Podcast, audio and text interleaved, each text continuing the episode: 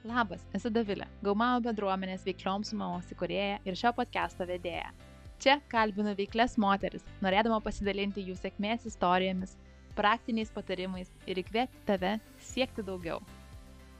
Šiandien kalbinu Augustę Kaknevičiūtę, tvaraus prekinio vardo 100 įkūrėja, gaminanti minimalistinius moteriškus drabužius 100 procentų iš apelsinų. Taip, iš apelsinų daiktų interneto Internet of Things specialistė, mados technologijų ekspertė ir užkėtėjusi keliautoja. Šiuo metu apsistojusi New York'e. Augustė tiesiog spinduliuoja energiją ir meilę tam, ką daro. Nebejoju, kad tai girdis ir mūsų pokalbėje, kuriame Augustė pasidalino, kaip gimė 100 idėja gaminti rūbus iš apelsinų, kaip ji tai pavertė realybę, kaip atrodė produkto pristatymas rinkai ir kokių klaidų ji nebedarytų, jei galėtų viską pakartoti Čia rasi labai daug įkvėpimo netidėlioti savo svajonių, kalbėtis ir konsultuotis su kiek įmanoma daugiau žmonių, bei daryti iš didžiausios raidės. Kai pradedi daryti verslą, supranti, kad viskas priklauso tik nuo tavęs. Kur projektas eis ir kiek jis bus sėkmingas. Ir tai labai veža. Be nelabiausiai man įstrigusi Augustės frazė, kuri puikiai apibūdina mūsų pokalbį. Tai ką, klausomės? Labas Augustė, Man a, tikrai labai smagu sveikinti su tavimi šiandien. Žinau, kad tu esi New York'e, bet uh, smagu, kad yra internetas, tai, kuris mums leidžia bendrauti ir uh, nepalieka jokių sienų. Tai, Auguste, um, tave užmačiau netikėtai gal prieš kokį mėnesį turbūt ir taip vis pažiūrėdavau, pažiūrėdavau ir man atrodo, wow, kaip fainai tai, ką jinai daro, kažkas kitokio ir kad lietuvė, tai Papasakok visiems, kas tu tokia esi visų pirma ir ką tu darai. Kaip fainai, ačiū labai, kad pakvietei. Man, aš net nebejoju, kad mes turėsim labai labai įdomų pokalbį. Tai, tai aš esu Augustė ir aš esu prekinio vardo 100 e, įkūrėja, kur mes gaminam drabužius, kurie yra pagaminti 100 procentų iš apelsinų. tai šiam momentui um, iš tikrųjų dar ganėtinai saliginai jaunas brandas, um, gimęs tik tai, um, sakyčiau, metų, šių metų pradžioje. Um, bet, bet jau sulaukęs labai daug ir susidomėjimo, ir palaikymo, ir tikrai labai labai džiaugiamės uh, su, su komanda visą šitą kelionę. Um, tai va, uh, tai 100 yra toks mano didelis, didelis uh, iš uh, tikrai iš širdies, iš aistros uh, gimęs projektas. Tai nėra šiam momentui uh, mano ką aš veikiu pilnu etatu. Um, aš dirbu taip pat su technologijom ir, ir daiktų internetu, um, bet vis tiek viskas, visas mano mintis ir idėjos krypsta į, į savo verslo pusę. Tai pirmas klausimas, iš tikrųjų, kodėl iš apelsinų? Geras klausimas. Kodėl iš apelsinų?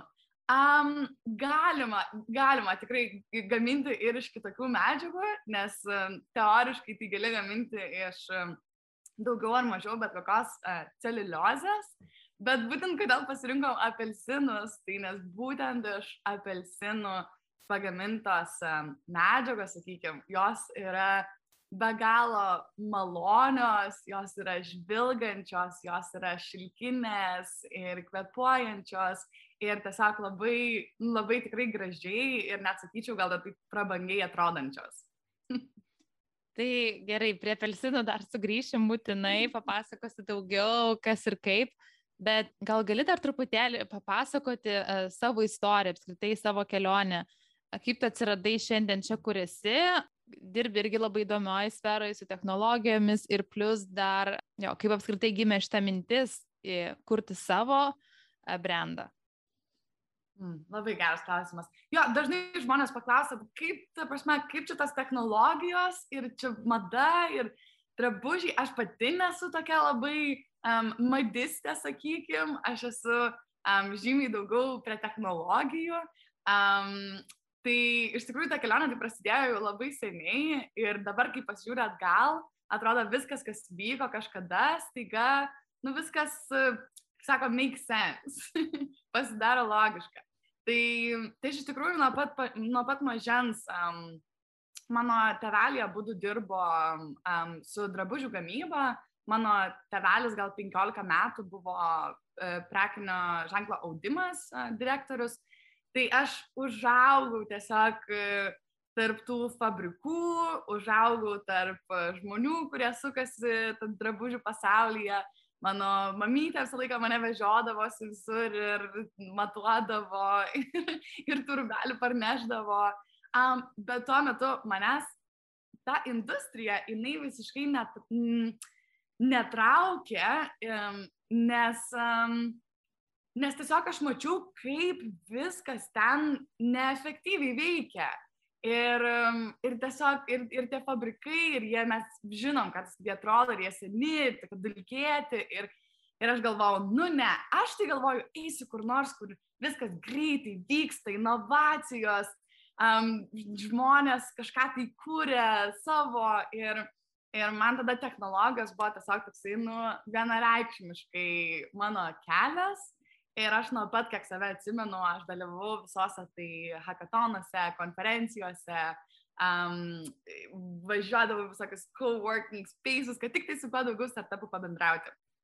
Ir žinojau nuo pat mažens irgi, kad, kad greičiausiai taip jau atsitiks, kad turėsiu savo verslą, nes to, gimiau tokioje kaip ir verslininkų šeimoje, mano šeimoje turiu tris vyrus, visi jie turi savo skirtingus visiškai verslus. Ir um, Ir tikrai žinojau, kad aš irgi norėsiu būti nepriklausoma ir pati atsakinga už savo sėkmę, sakykim tai. Tai technologijos tikrai buvo ta, tas rytis, kuri mane patraukė. Um, ir vieną dieną, prieš gal kokius tris metus, um, aš sužinojau apie, apie tokį dalyką kaip madų technologijos. Ir kaip iš tikrųjų visas tas technologijas, kurias ilgą laiką studijavau, um, kaip jos gali ne tik gali, bet ir pakeis iš pagrindų um, mūsų visą šitą mados ir drabužių gamybos e, industriją. Nes mes visi, man atrodo, puikiai žinom, kokia jinai yra ir žalinga, ir, ir neefektyvi. Tai, tai visas technologijos, kas liečia nuo 3D printintų batų iki virtualių parduotuvių um, ir, ir iki, sakykime, inovatyvių ir išmanių tekstilių, ką 100 ir daro, tai man yra be galo įdomu, sujungia visas mano aistras, tai yra ir mano aistra dizainui, ir mano gebėjimas suburti visiškai skirtingus žmonės bendram tikslui, um, kurti produktus, um, juos pristatyti rinkai. Tai visi šitie dalykai mane tikrai labai labai um, veža ir tiesiog kiekvieną dieną tuom kvepuoju, gyvenu ir, um, ir kuriu toliau. Augustė, mes šiek tiek prieš pokalbį bendravom ir tu užsiminė apie tai, kaip atsidūrėjai Singapūrė. Tai papasakok čia truputėlį, nes man labai buvo įdomu išgirsti. Jo, tai visur, kur gyvenime ką dariau, visą laiką ėjau labai drąsiai ir ieškojau, tiesiog visą laiką ieškojau kelių, kurie mane priartintų prie mano tikslo kaip įmanoma greičiau. Ir buvo toks momentas mano gyvenime, kai, kai man norėjosi biški pokyčių, norėjosi pakeisti aplinką, norėjosi būti arčiau tų inovacijų ir startupų ir to pačiu norėjosi nuotikių ir, ir kažkokių tai naujų istorijų. Ir tiesiog sugalvojau visiškai, sakykime, krizį idėją. Um, galvojau, reikėtų man išvažiuoti į kokį, į kokį Seulą arba Singapūrą, ten, kur tuo metu labai daug vyko ir labai daug buvo kalbama to bazo vadinamo, apie, kad va, ten bus, ten ateitis. Ir aš galvoju, man reikėtų ten išvažiuoti ir ten įsisukti kur nors į tą startupų pasaulį. Atsisėdau prie popieriaus lapo ir sakiau, gerai, ką aš sugebu ir ką aš moku. ir tuo metu mano, mano brolis, žymiai vyresnis, bet um, buvo pradėjęs savo uh, marketingo uh, įmonę ir jį labai labai vežė marketingas, iki dabar be galo veža. Ir um, jisai mane buvo šiek tiek pramokinęs, šiek tiek pramokinęs, kaip elgtis su Photoshopu. Viskas, ką mokėjau, tai nežinau, iškirpti formą ir uh, ir pakeisti jos spalvą, kažkas tokio ir uždėti tekstą. Ir gali kelti paveikslėlį. Viskas. Um, ir tiesiog um, gerai galvoju, moku šitai, um, galvoju, galbūt man pavyktų save parduoti kaip, kaip grafikos dizainerė. Tai vėlgi atsėdau prie PowerPoint'o, susikūriau vadinamą portfolio iš to, ko labai labai nedaug turėjau, beveik nieko neturėjau, bet man tiesiog reikėjo, kad gražiai atrodytų, įspūdingai tiksliau atrodytų, kad man kažkas pasiūlytų darbą. Ir išsintinėjau šitą savo portfolio su gražiu laišku, išsintinėjau gal kokiam, tai nežinau, 30 um, tokių kaip startup hubų. Tai yra hubai, kurie įdarbina daug startupų. Um, tai išsiuntinėjau vat, kokiam 20-30 startup hubų ir um, vieno startup hubo, tikrai labai didelio ir žinoma startup hubo uh, vadovės jau atsakė man, supažindino mane su, su savo kolegom, uh, turėjau porą interviu ir už mėnesio jau skridau į Singapūrą dirbti pilnu etatu kaip grafikos dizainerė ir ieškoti nuotikių. Ir niekada, tuo metu niekada nebuvau dar buvus Azijoje, tai viskas buvo taip nauja ir nepatirta. Um, tai iš tikrųjų um, labai daug reikėjo ir YouTube video žiūrėti, ir vakarais pasidarbuoti, bet galiausiai, nu, viską įmanoma išmokyti, jeigu tik tai nori, o ypatingai jeigu dar esi įmestas į tokią situaciją, kur neturi kito pasirinkimo, ir, bet žinai, kad tikrai nu, labai nori ten ir likti, ir, ir, ir dar darbą gerą padaryti, tai tai ir darbuojasi. Ir tikrai viskas labai puikiai pavyko. Po to supratau, kad galbūt grafikos dizainerės karjera ne man, bet tie startupai ir tos technologijos, kurias aš, um, kurias aš gavau paliesti ir prie kurių vat, pritėti būtent būnant Singapūrė, tai tikrai, tikrai man padarė labai labai didelę įtaką ir čia buvo geras sprendimas visgi šitaip išvažiuoti, pasidarbuoti dar. Mhm.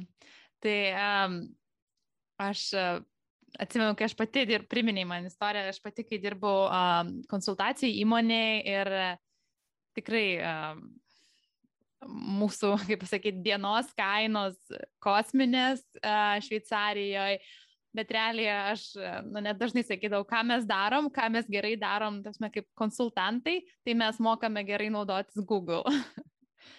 tai čia tiesiog įrodo, nu, ar tai YouTube videos, ar ka, kas reikalinga, ne? nes tiesiog visa informacija yra, tu ją tik tai, tu mokai ją rasti ir pateikti, kad jinai atrodytų. Ir dar pateikti plus, kad taip, aš čia labai gerai žinau, aš čia suprantu ir, ir, ir taip. Tai visą laiką svarbu tas toksai požiūris, kaip tu tai žiūri ir kad tu nori, tu esi pasiruošęs išmokti, jeigu tada esi pasiruošęs, tai tik dangus turbūt yra tavo tas e, limitas, kaip sako, sky is the limit. Tai um, kas sekė tada po Singapūrą, jeigu gali papasakoti ir visgi kaip tu atėjai prie tos idėjos 100. Tai Singapūrė iš tikrųjų, dirbdama būtent prie grafikos dizaino, aš dar nebuvau atradusi visiškai šito madų technologijų pasaulio, nežinojau apie va, tuo metu taikomas technologijas būtent tai industrijai. Tai neįsivaizdavau, ką noriu daryti gyvenime, neturėjau jokio supratimo, ar tai bus e, produktai, ar tai bus kažkoks aplikacija, ar tai bus, aš neįsivaizdavau, ką aš noriu veikti. Um, bet neužilgo po to iš tikrųjų, tai toliau dirbu prie įvairių um, projektų, um, jungiausi prie startupų, įvairiausių, tai um, rinkodaros projektų, uh, būtent uh, verslo pardavimų projektų iki kol atradau būtent mados technologijas ir visiškai žemyn galvą pasinėriau į tai, mane labai sužavėjo būtent tekstilių technologijos. Šiai dienai dar labai nedaug žmonių žino iš tikrųjų, kas yra daroma toje srityje. Um, tai tokie dalykai kaip elektroninės tekstilės, kurios iš tikrųjų turi pačioje medžiagoje, turi, sakykime, tokius, galim pavadinti, nano laidelius, kurie visi susijungia ir gali rinkti datą, ją perdavinėti, ją analizuoti. Um, ir tos tekstilės yra labai naudojamos tiek medicinoje, tiek e, į kosmosą skrendant, tiek, tiek sporto, visoje fitneso industrijoje, bet dar nepalėtė, sakykime, tų mat masių ir, ir mūsų kasdienio gyvenimo. Ir, ir aš net nebejoju, kad kažkada palies. Ir tiesiog visas tas toks futurizmas ir, ten, ir, ir tas toks, aš labai esu visą laiką excited um, dėl ateities. Labai daug žmonių bijo, jie sako, oi, bet čia bus tas, atsiras tas, mūsų gyvenimas pasikeis ir čia mes nebe, nebesuprasim nei savęs, nei labai kai kurie žiūri negatyviai į tas technologijas.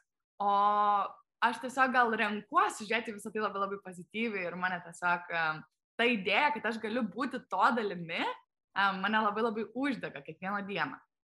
Tai va, tai, tai iš tikrųjų, kadangi netgi atradusi tą mados technologijų sritį, nežinojau gerai, ką noriu joje daryti, žinojau, kad dar reikia uh, daug perskaityti, daug paguglinti ir, ir daug žmonių sutikti daug suprasti apie industriją. Tai įsidarbinau dideliai technologijų kompanijoje, būtent kur pradėjau dirbti su daiktų internetu.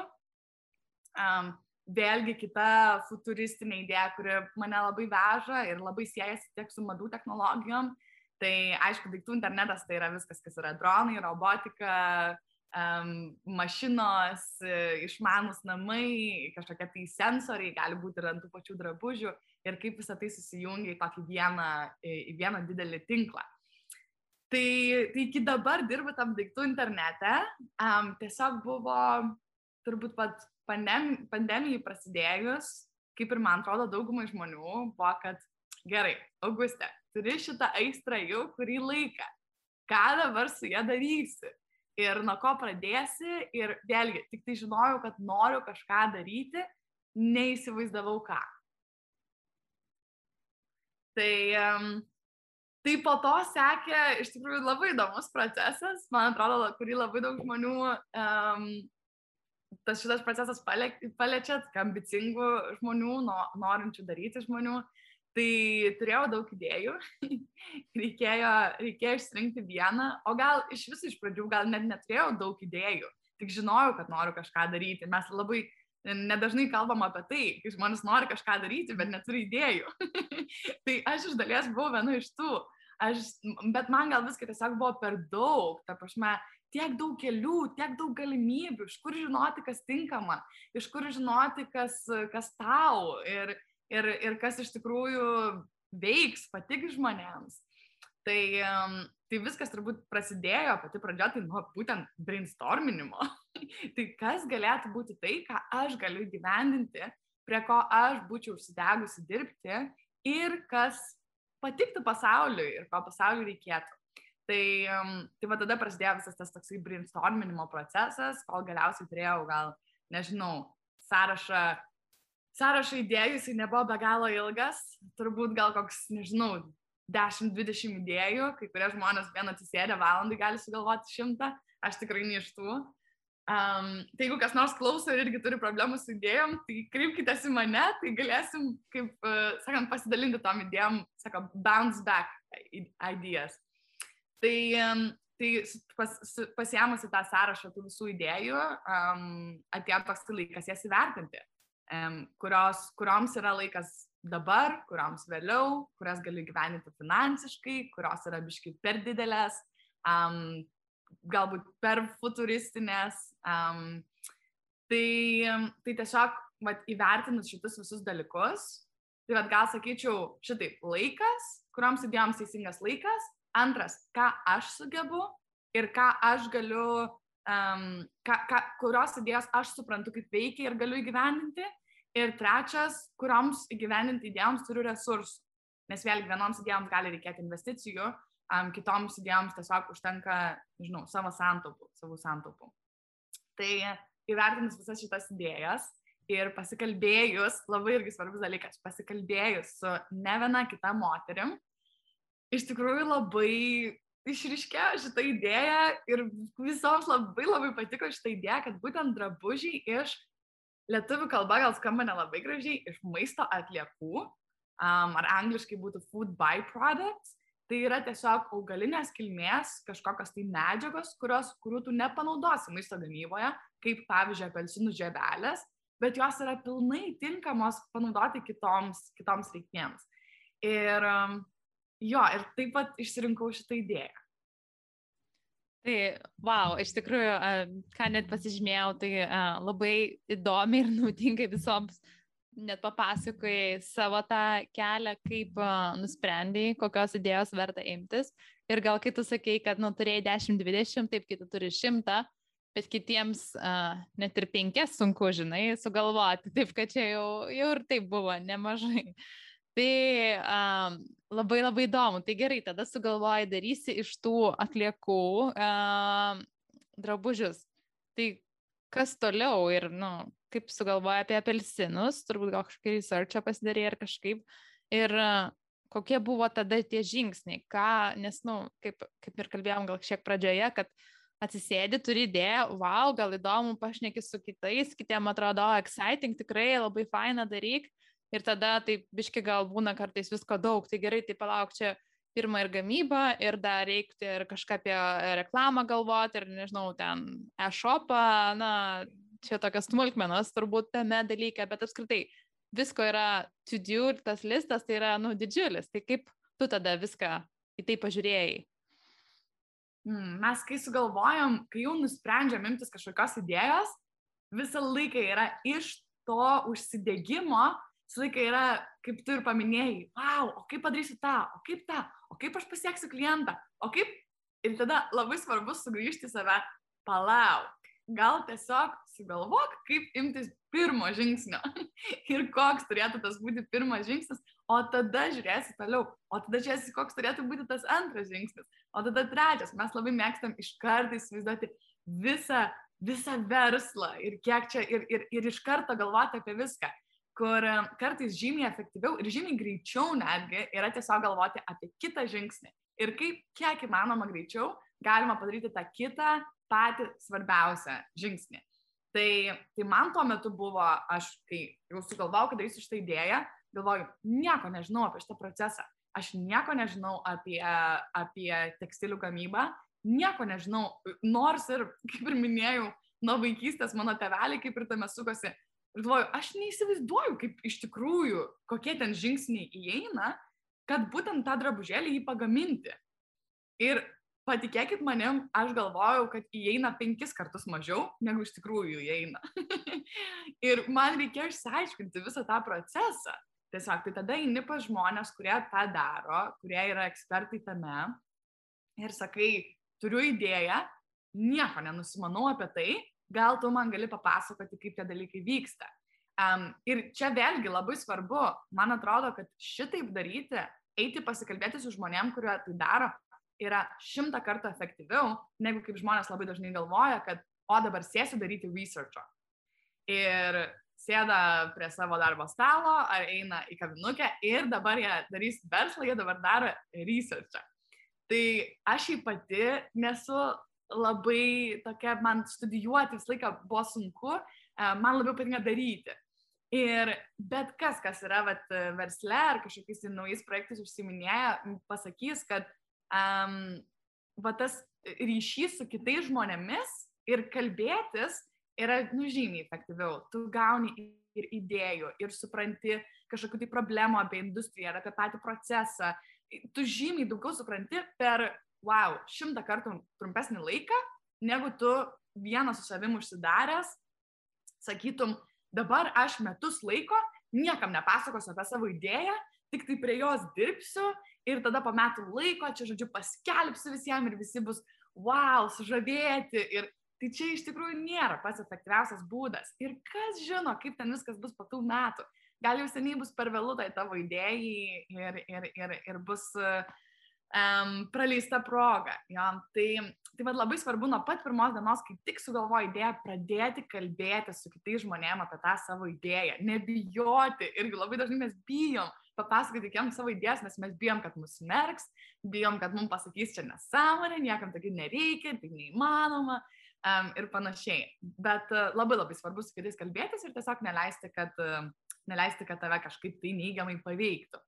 Tai taip ir buvo. Toliau mano procese taip ir sekė labai daug pokalbių su konstruktoriais, su kitais dizaineriais, su fabrikais, um, su tekstilių gamintojais. Tai kaip tas procesas iš tikrųjų vyksta. Labai svarbu pripažinti visą laiką, kad tu nieko nežinai tu nieko nežinai, nereikia to gėdytis, kad tu čia pradedi verslą ir dabar turėtum viską apie tai žinoti. Ne, žiūrėkit, aš nieko nežinau, bet aš noriu kažką tokio sukurti, arba bent jau pabandyti, pabandyti sukurti. Nėra, nereikia įsivaizduoti, kad čia bus pas, pasaulinis verslas. Aš tiesiog noriu sukurti marškinius iš apelsinų.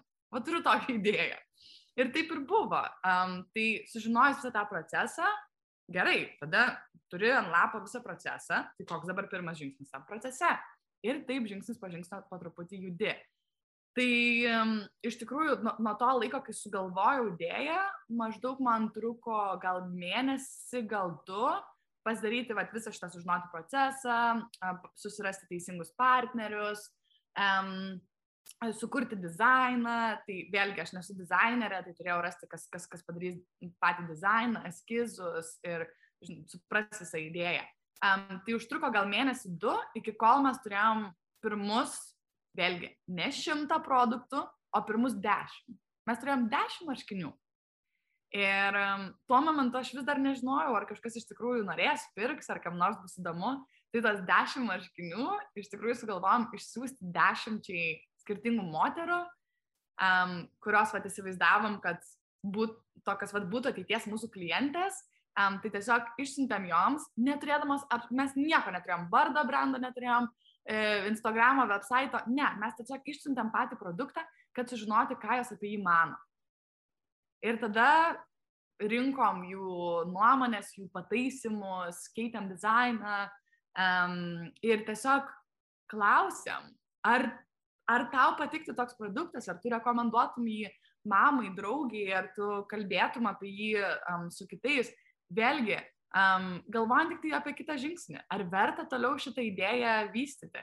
Bet uh, kai sulaukėm didžiulio susidomėjimo tuo metu, tai, tai jau tada buvo kaip ir klausimų nebeliko ir tada jau tiesiog padidinom savo prekybą ir tam procese, net jeigu ir su, tai, su tais dešimt marškinių, sakykime, nebūtų nieko pavykę, sakykime, aš jau tam procese be galo, be galo daug išmokau. Tai jau man buvo verta imti tų, imtis tų pirmųjų žingsnių. Ir ne visą laiką idėjos pavyks, ar jas bus verta įgyvendinti, bet kiek mes daug išmokstam ir kiek mes daug paaugam pačios kažką va tokio darydamos, tai yra neįkainoma, neįkainoma tikrai.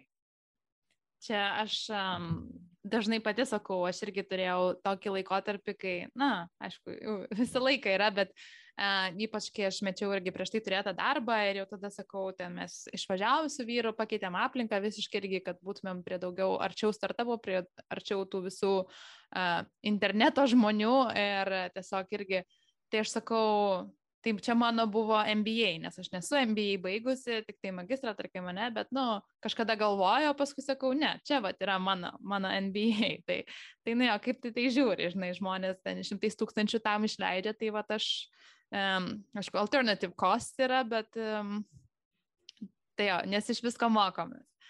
Um, tai uh, gerai, tai man irgi tas labai patiko, kad tu pradžioje, ką tu darai, tai uh, susikūrei tą na, minimum viable product, tai MVP, čia tokia mažiausia, nu, tasme produktą, kuris jau, nu, pasidarai marškinius, ne, pavyzdį.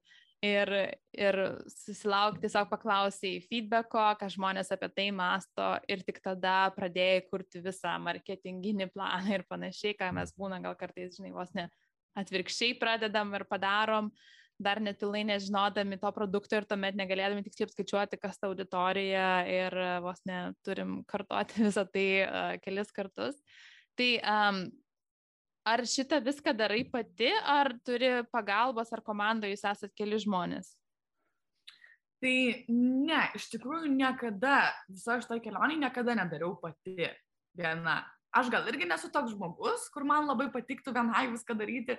Aš labai tikiu tą komandinę dvasę ir man labai reikia ir, ir idėjom dalintis, ir kad kažkas kitas idėjom pasidalintų, tada man dar daugiau idėjų kyla. Ir kai sunku, kažkam reikia išsipasakoti. Ir tiesiog, nu, žymiai, žymiai lengviau tikrai visą laiką yra daryti su kažkuo. Kartais tas žmogus padedantis gali būti ir tiesiog draugas, kuriam viską išsipasakoji. Um, mano atveju tai aišku, aš turėjau labai um, didelį suportą iš, sakykime, iš mamytės. Tai tiesiog tokoj va, laimingai situacijai buvo, mano mamytė yra siuvimo technologija, tai jinai yra tas žmogus, kur taip tarp dizainerio ir tarp, ir tarp visų Lietuvoje fabrikų, jinai labai gerai supranta visą tą procesą. Tai jeigu man kažkada buvo kažkokių klausimų, vajetus ten reikėdavo apsis, apsiskaičiuoti uh, marškinių visą išeigą, kiek ten tų į marškinius, kiek ten tų kvadratinių metrų išeina, kiek metrų siūlų, aš neįsivaizduoju, kaip tą padaryti, niekada gyvenime nei to studijavau, nei tai tada beldėsi pas mamytę ir sakai, kaip čia viskas šitas vyksta. Tai, tai gerai, kad jinai, kad jinai gali pakonsultuoti. Kitų atveju um, tiesiog, kur jinai negalėdavo konsultuoti, nukreipdavo, kas gali pakonsultuoti. Bet taip su bet kuo yra. Jeigu tu um, pradėjai kažkokioje naujoje industrijoje, ar tai grožio industrijoje, nežinau, nori savo saloną atsidaryti, tai rask tą sėkmingą salono savininką, kuris jau perėjo per tą, per tą procesą ir, um, ir, ir paklausk jo, žmonės labai labai visą laiką nori padėti, pasidalinti, um, jie nėra tokie, kurie laiko informaciją ir visą laiką smagu, kai kiti irgi daro. Um, tai jeigu jisai nežinos, tada jisai pakreips į kitą žmogų, kuris, kuris žino. Ir, ir, ir vėlgi, šitam procese kyla šimtai klausimų, šimtai. Tu kiekvieną dieną turi pereiti, kaip sakau, per tą perlipti, kur aš nežinau, aš neįsivaizduoju. Ir kartais žmonės klausia rimtai, o kaip tu galvoji, kaip tu padarysi šitą su tokiu, žinai, ir tu, ir tu turi tiesiog drastiškai sakyti, aš neįsivaizduoju, bet aš išsiaiškinsiu. Kažkaip tai išsiaiškinsiu, rasiu, kas mataras, ar, ar rasiu, kas padarys. Tai, tai va tiesiog um, turėjau, sakau, va, turėjau iš mamytės pusės pagalbos, um, turėjau irgi um, draugę, su, kuri um, pabaigus mados inžineriją, tai jinai pakūrė techninius eskizus ir daugiau dizainą pačių, nes aš turėjau tik tai idėją, tai jinai daugiau vat, iš dizaino pusės žinojo, kas, kas dabar, kas madinga, kas ilgalaikiška, kas, um, kas, kas patiktų tiems vat, klientams iš dizaino pusės, ko aš vėlgi visiškai nenusimaniau. Tai pavyzdžiui, šitą užduotį aš visiškai perleidau kažkam kitam. Sakau, aš nenusimanau apie dizainą, dėl to kartais, labai kartais mane kažkas pavadina dizainerę, kas aš tikrai nesu ir nesvajoju būti, um, tai dizainerė sukūrė dizainą, tikrai ne, tikrai ne aš. Tai va, tuos kai kurios procesus visus perleidė. Um, turiu irgi komandai uh, narę, kuri visiškai yra apsiemusi socialinę mediją ir komunikaciją ten. Vėlgi, tą kontrolę aš perleidžiu kažkam kitam, nes aš žinau, kad aš niekaip negaliu daryti visko pati. Ir tiesiog lengviau yra daryti su pagalba ir, ir labai daug žmonių skirtingose procesuose irgi, jeigu tai yra kažkoks mini darbelis, je, jeigu jam patinka idėja, tai jie tikrai padarys tai tiesiog nemokamai, ar gal tiesiog, ar galėsi um, kažkaip profil savo portfolio įsidėti, aišku, visur kiek įmanoma, tiek, tiek bandau, kad visiems būtų gerai šitam procese, um, nes vėlgi tai yra verslas, um, bet um, iš tikrųjų pagalbos ir suporto tikrai iš visų pusių turėjau. Tiek, kas liečia rinkodarą, procesą, gamybą, nes kaip sakau, aš nieko nežinau ir, ir su komanda viskas žymiai greičiau, efektyviau ir su mažiau klaidų. Ir tikrai sutinku su tavim šimta procentų, nes kai turi tos pagalbos ir pats gali labiau gal strateguoti ir judėti į priekį ir užsimti tais dalykais, kurie veda tave pirmin. Uh, ir Augustė, ar nebuvo tau iš tikrųjų m, baisu investuoti, nes tikrai ir pinigų, tikiu, yra investuota, ir uh, energijos, laiko, visko. Tai kaip tu į tai žiūri? Labai geras klausimas. um, aš manau, kad investuoti visą laiką, visą laiką iš dalies baisu ir, ir gal dėl to vat, labai svarbu tą, pirmas dalykas tai kalbėti su kitais ir dalintis tom idėjom, o kitas dalykas pradėti nuo to MVP. Tai mano irgi didžiausias visas investicijos buvo jau po mūsų testavimo, jau po MVP, ne iki tol kas, nes investuoti visą laiką bais, baisu ir aš galėčiau sakyti, kad turi investuoti ir turi sekti savo idėjas, bet vėlgi m, mm, reikia būti, um, kaip čia, reikia būti gudriam ir įvertinti tą savo riziką, kada jinai yra iš tikrųjų apskaičiuota ir protinga. Net ir pa mūsų MVP, tos investicijos, jos, um, jos jos ir tada yra rizikingos. Bet tiesiog ta rizika tada yra jau biški labiau apskaičiuota. jau tu žinai, koks gali būti, um, kokia gali būti paklausa šito produkto. Ir truputį daugiau žinai, kokias rinkas, kokie, um, koks tas target marketas. Jo. Tai, tai, tai iš tikrųjų neverta sugalvojus kažkokią idėją, tikrai nereikia iš karto sudėti visų savo pinigų į ją, Um, bet, kaip pat mes ką tik ir pakalbėjom, jeigu tikrai turi kažką, kuom tiki ir kalbėjai su daug žmonių, žinai, kad tam yra poreikis, um, žinai, kad, uh, žinai, kad tai nėra tavo paskutiniai pinigai ir, ir žiūri tai kaip į MBA um, ir žiūri tai kaip į saliginai, tai yra, kaip pati sakai, pigesnis MBA. Jo, nes, nes tos studijos ir tie verslo mokslai, jie, jie gali kainuoti šimtus tūkstančių. Tai ir, ir, ir čia yra kažkas, kas, kas priklauso nuo tavęs. Jo. Tai, tai iš tikrųjų jo, apskaičiuota rizika, o tada jau kai, kai jie investuoja, nebėra kelio atgal ir žinai, kad viskas priklauso nuo tavęs. Um, kur šitas projektas eis, kiek jisai bus sėkmingas, um, kiek tu pats toliau save edukuosi, kaip, kaip keičiasi rinkodara, kaip veikia socialinės platformos, kaip pasiekti tinkamą klientą, um, kaip valdyti savo, savo visą produkciją. Tai tik tai nuo tavęs priklauso, kaip tos investicijos iš tikrųjų realizuosis. Bet baisu visada, visada.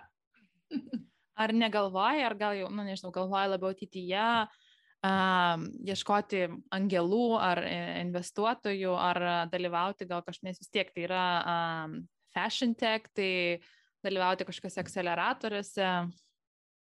Labai geras klausimas. Um, tikrai galvoju, čia yra mano, um, galbūt pat sudalyvauti kokiam akceleratoriui tikrai būtų didelė svajonė.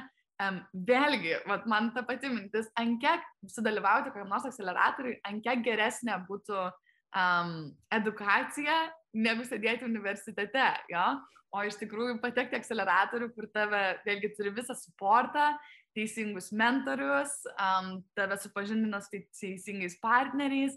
Tai iš tikrųjų būtų labai labai įdomu ir net nebejoju, kad naudinga tiek man asmeniškai, tiek, tiek šitam brandui. Um, tai kol kas, uh, kol kas dar mums reikia pasiekti, sakykime, uh, kelis tokius uh, milestones, um, kad galėtumėm pradėti galvoti apie kažką tokio, bet planuose tikrai, tikrai yra.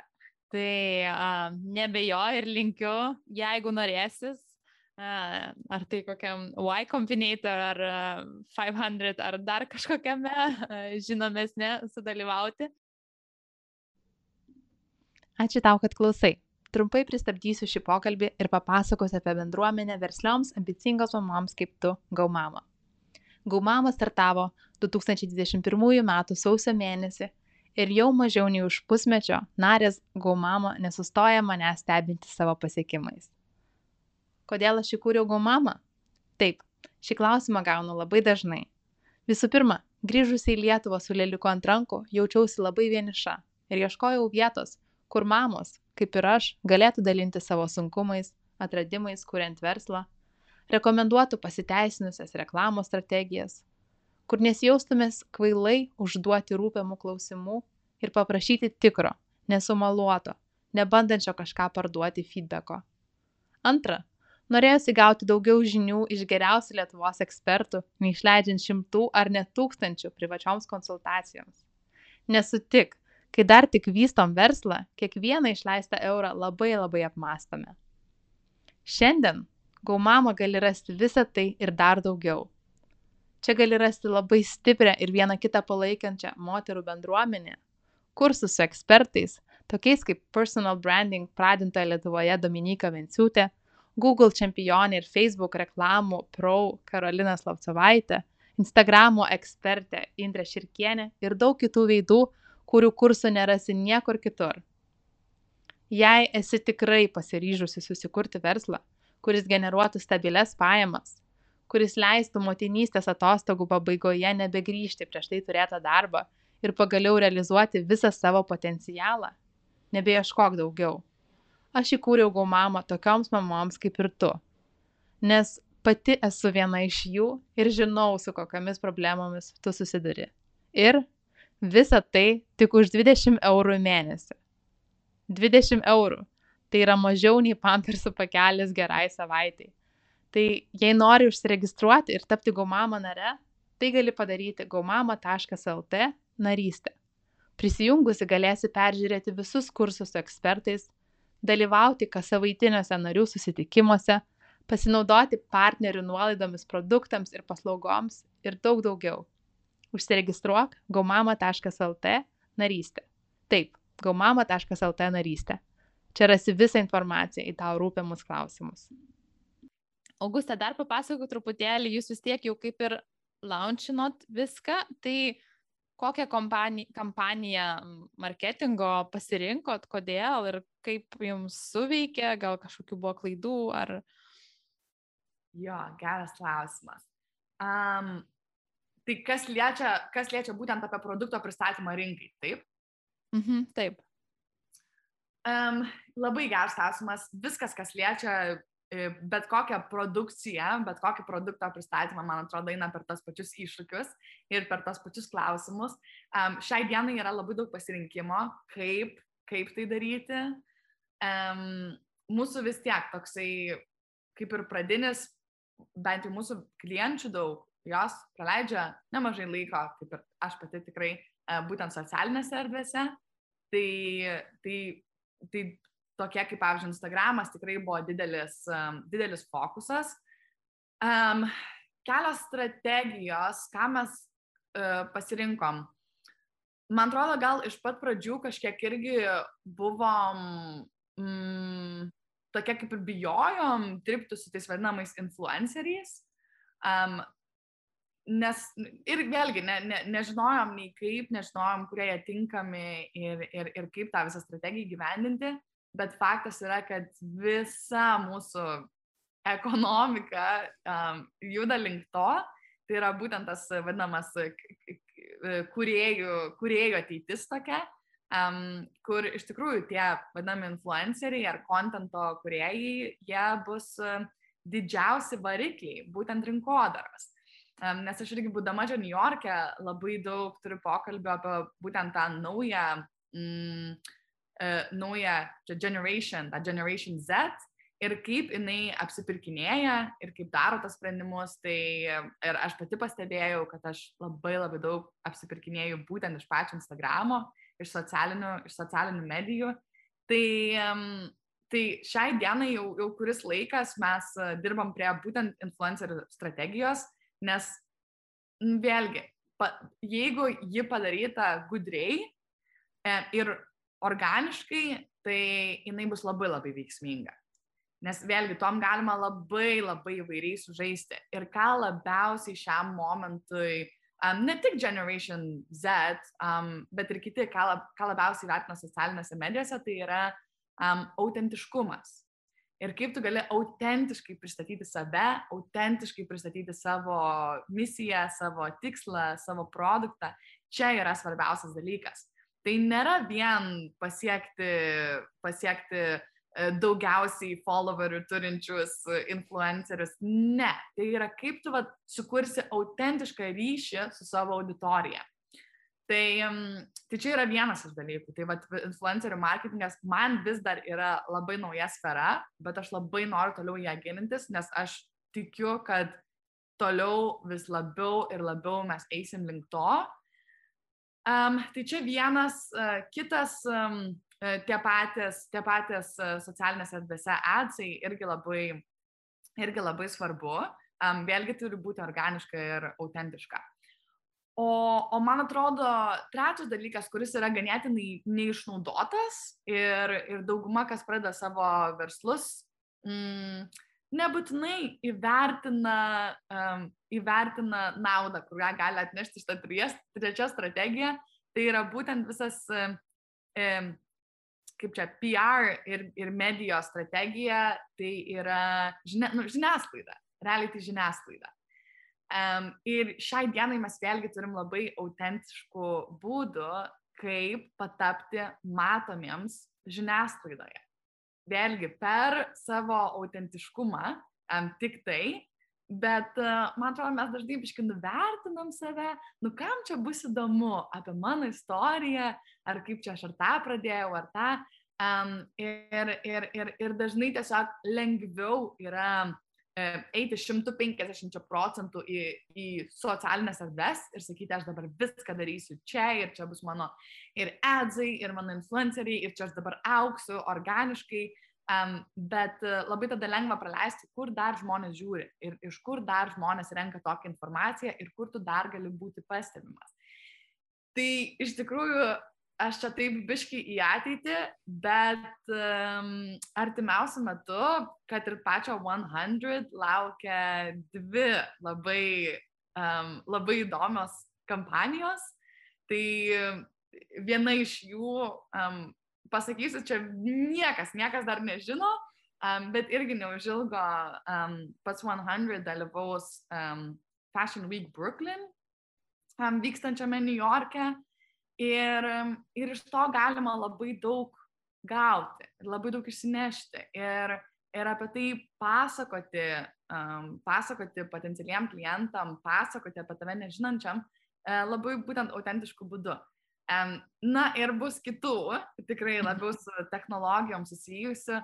Tai, tai man atrodo, tų būdų išsiskirti tikrai tikrai yra.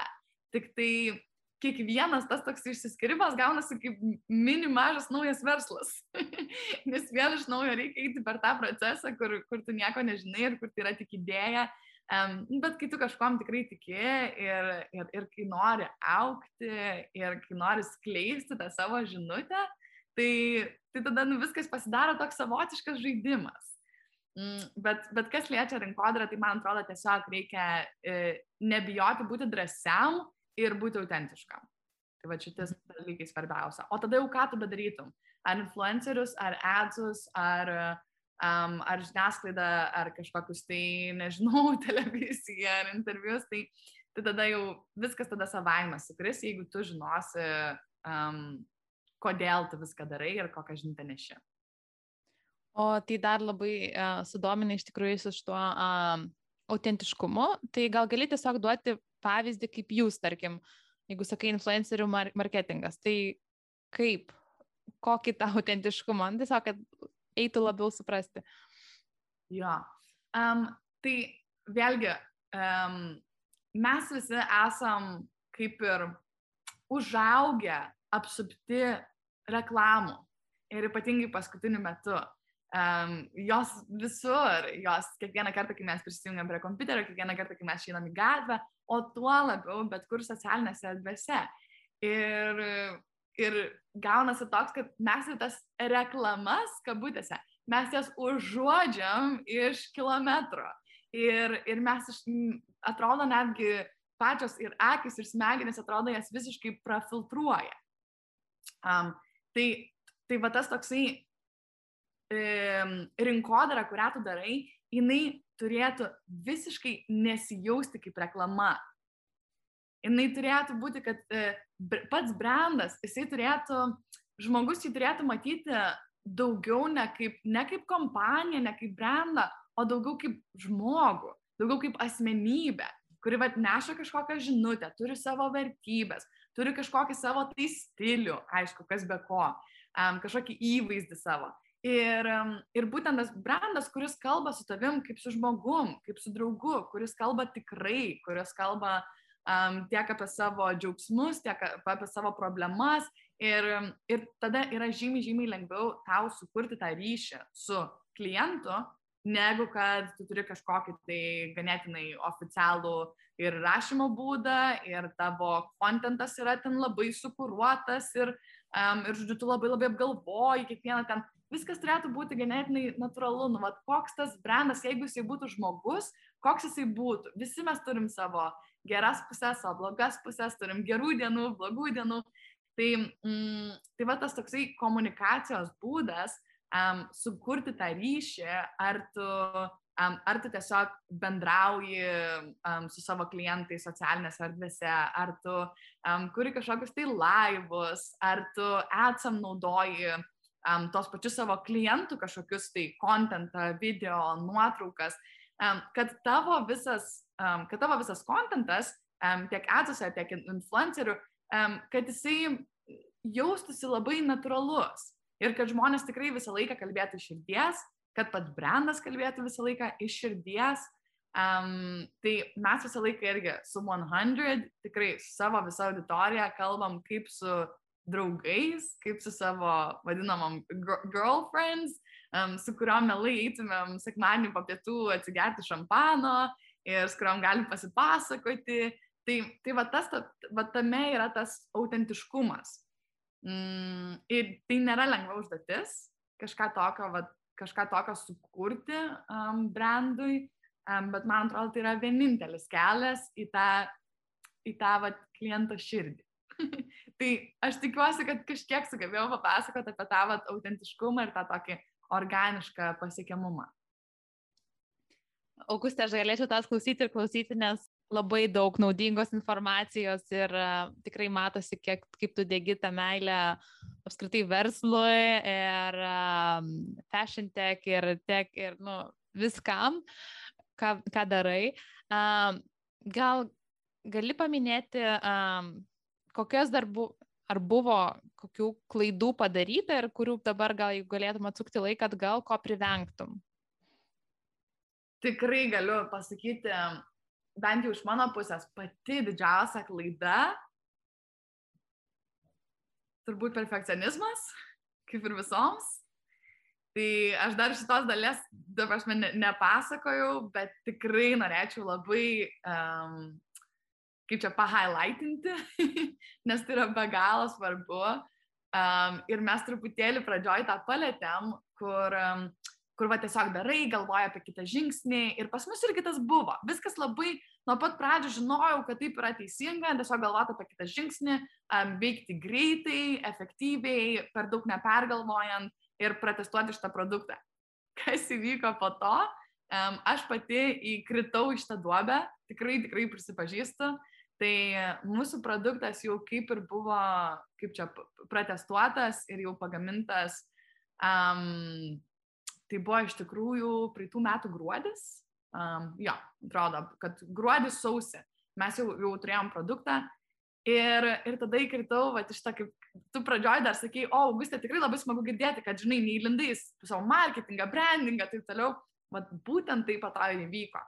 Ir šitas procesas man užtruko gal kokius um, tris mėnesius ir man jau ir tai atrodė, kad viskas vyksta pakankamai greitai, o buvo labai labai per lietai. Ir aš galvojau, kad čia man reikia va tobulai tą vietą padaryti. Ir tada, aišku, buvo visas, e, reikėjo susidėlioti visas sistemas, websaitus, brandingą, nes tada dar, sakau, net neturėjom net vardo nieko. Um, bet įkritau, įkritau į tą duobę, kur viskas turėjo būti iš dalies tobulą, ko tikrai, tikrai iš tikrųjų neturėjo būti.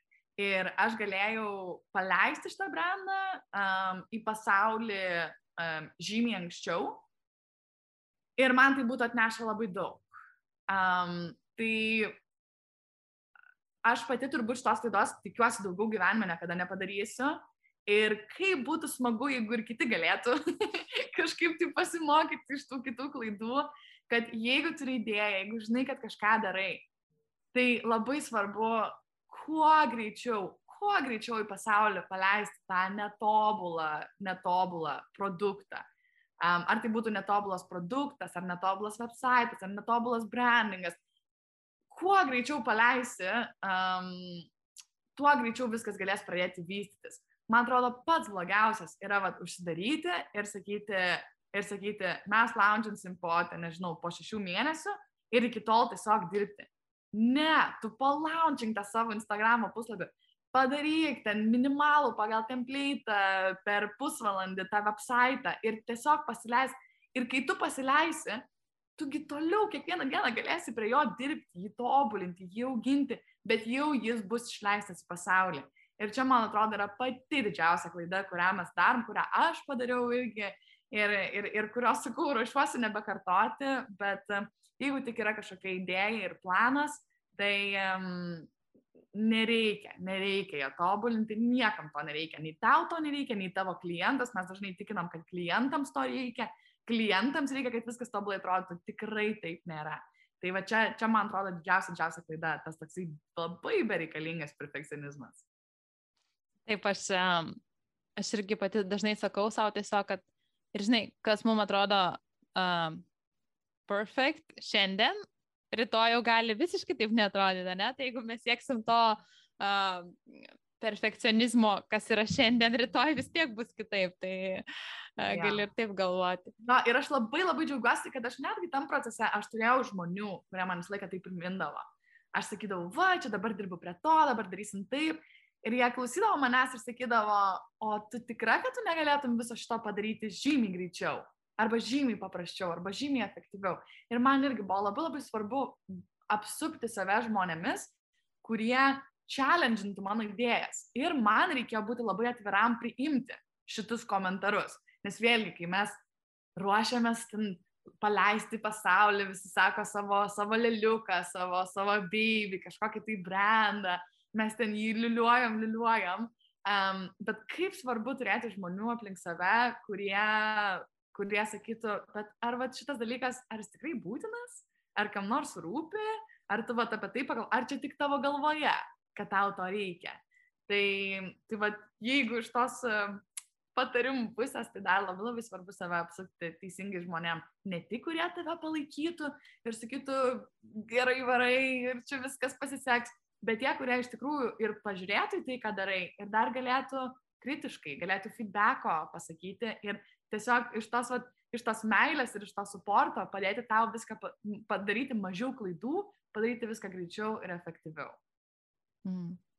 Aš uh, esu truputėlį toks žmogus, nes uh, mano vyras labai visą laiką toksai, žinai, startuperis ir čia viena idėja, antra, trečia, ketvirta, o aš visą laiką man pasako ir aš vos ne, taip, žinai, net nu, nugesini kartais, nes aš kart pradedu, man taip faina, bet aš taip ir iškart pradedu galvoti, o čia taip, o taip, o tas, o tas, o tas, žinai, taip. bet visokių reikia, taip, nes reikia, reikia visko iš tikrųjų.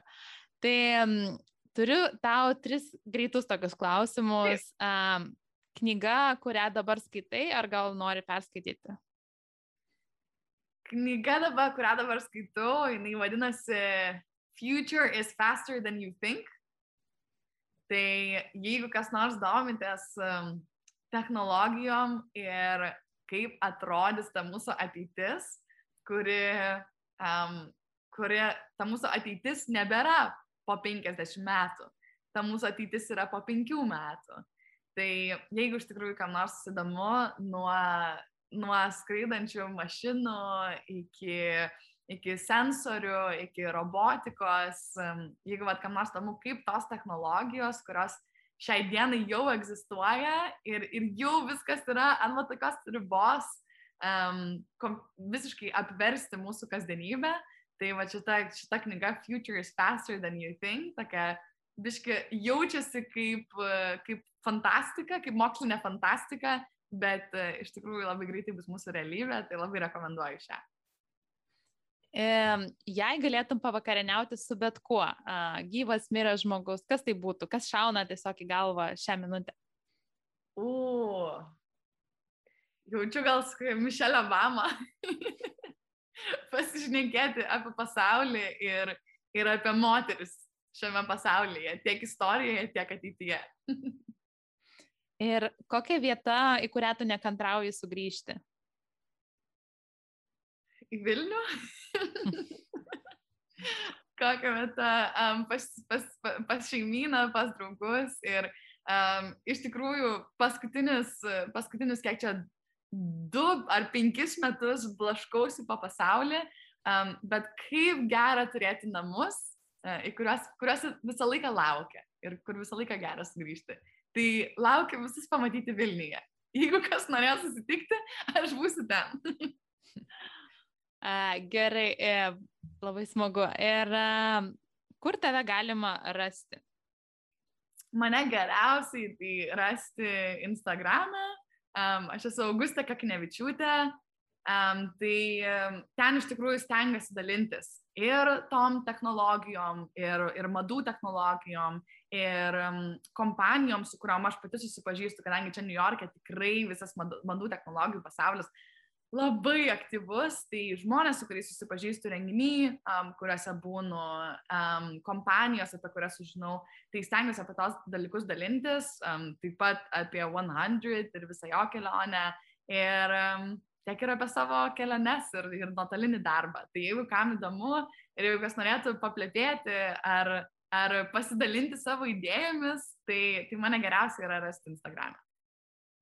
Tai ačiū tau, Augustė, už visas šitas mintis, už tavo visus patarimus ir už visą energiją, kurią tu tiesiog trykšti. Norėčiau ir aš iš tavęs taip prigriepti truputėlį, bet tikrai jau priemiau kažkiek ir šitą pokalbį. Tai ačiū tau dar kartą ir ačiū visoms, kurios klausėsi. Ačiū tau, kad klausėsi. Naujas įrašas išeina kiekvieną savaitę, tad nepamiršk prenumeruoti Gomamo podcast'o savo mėgiamuose podcast'o platformose.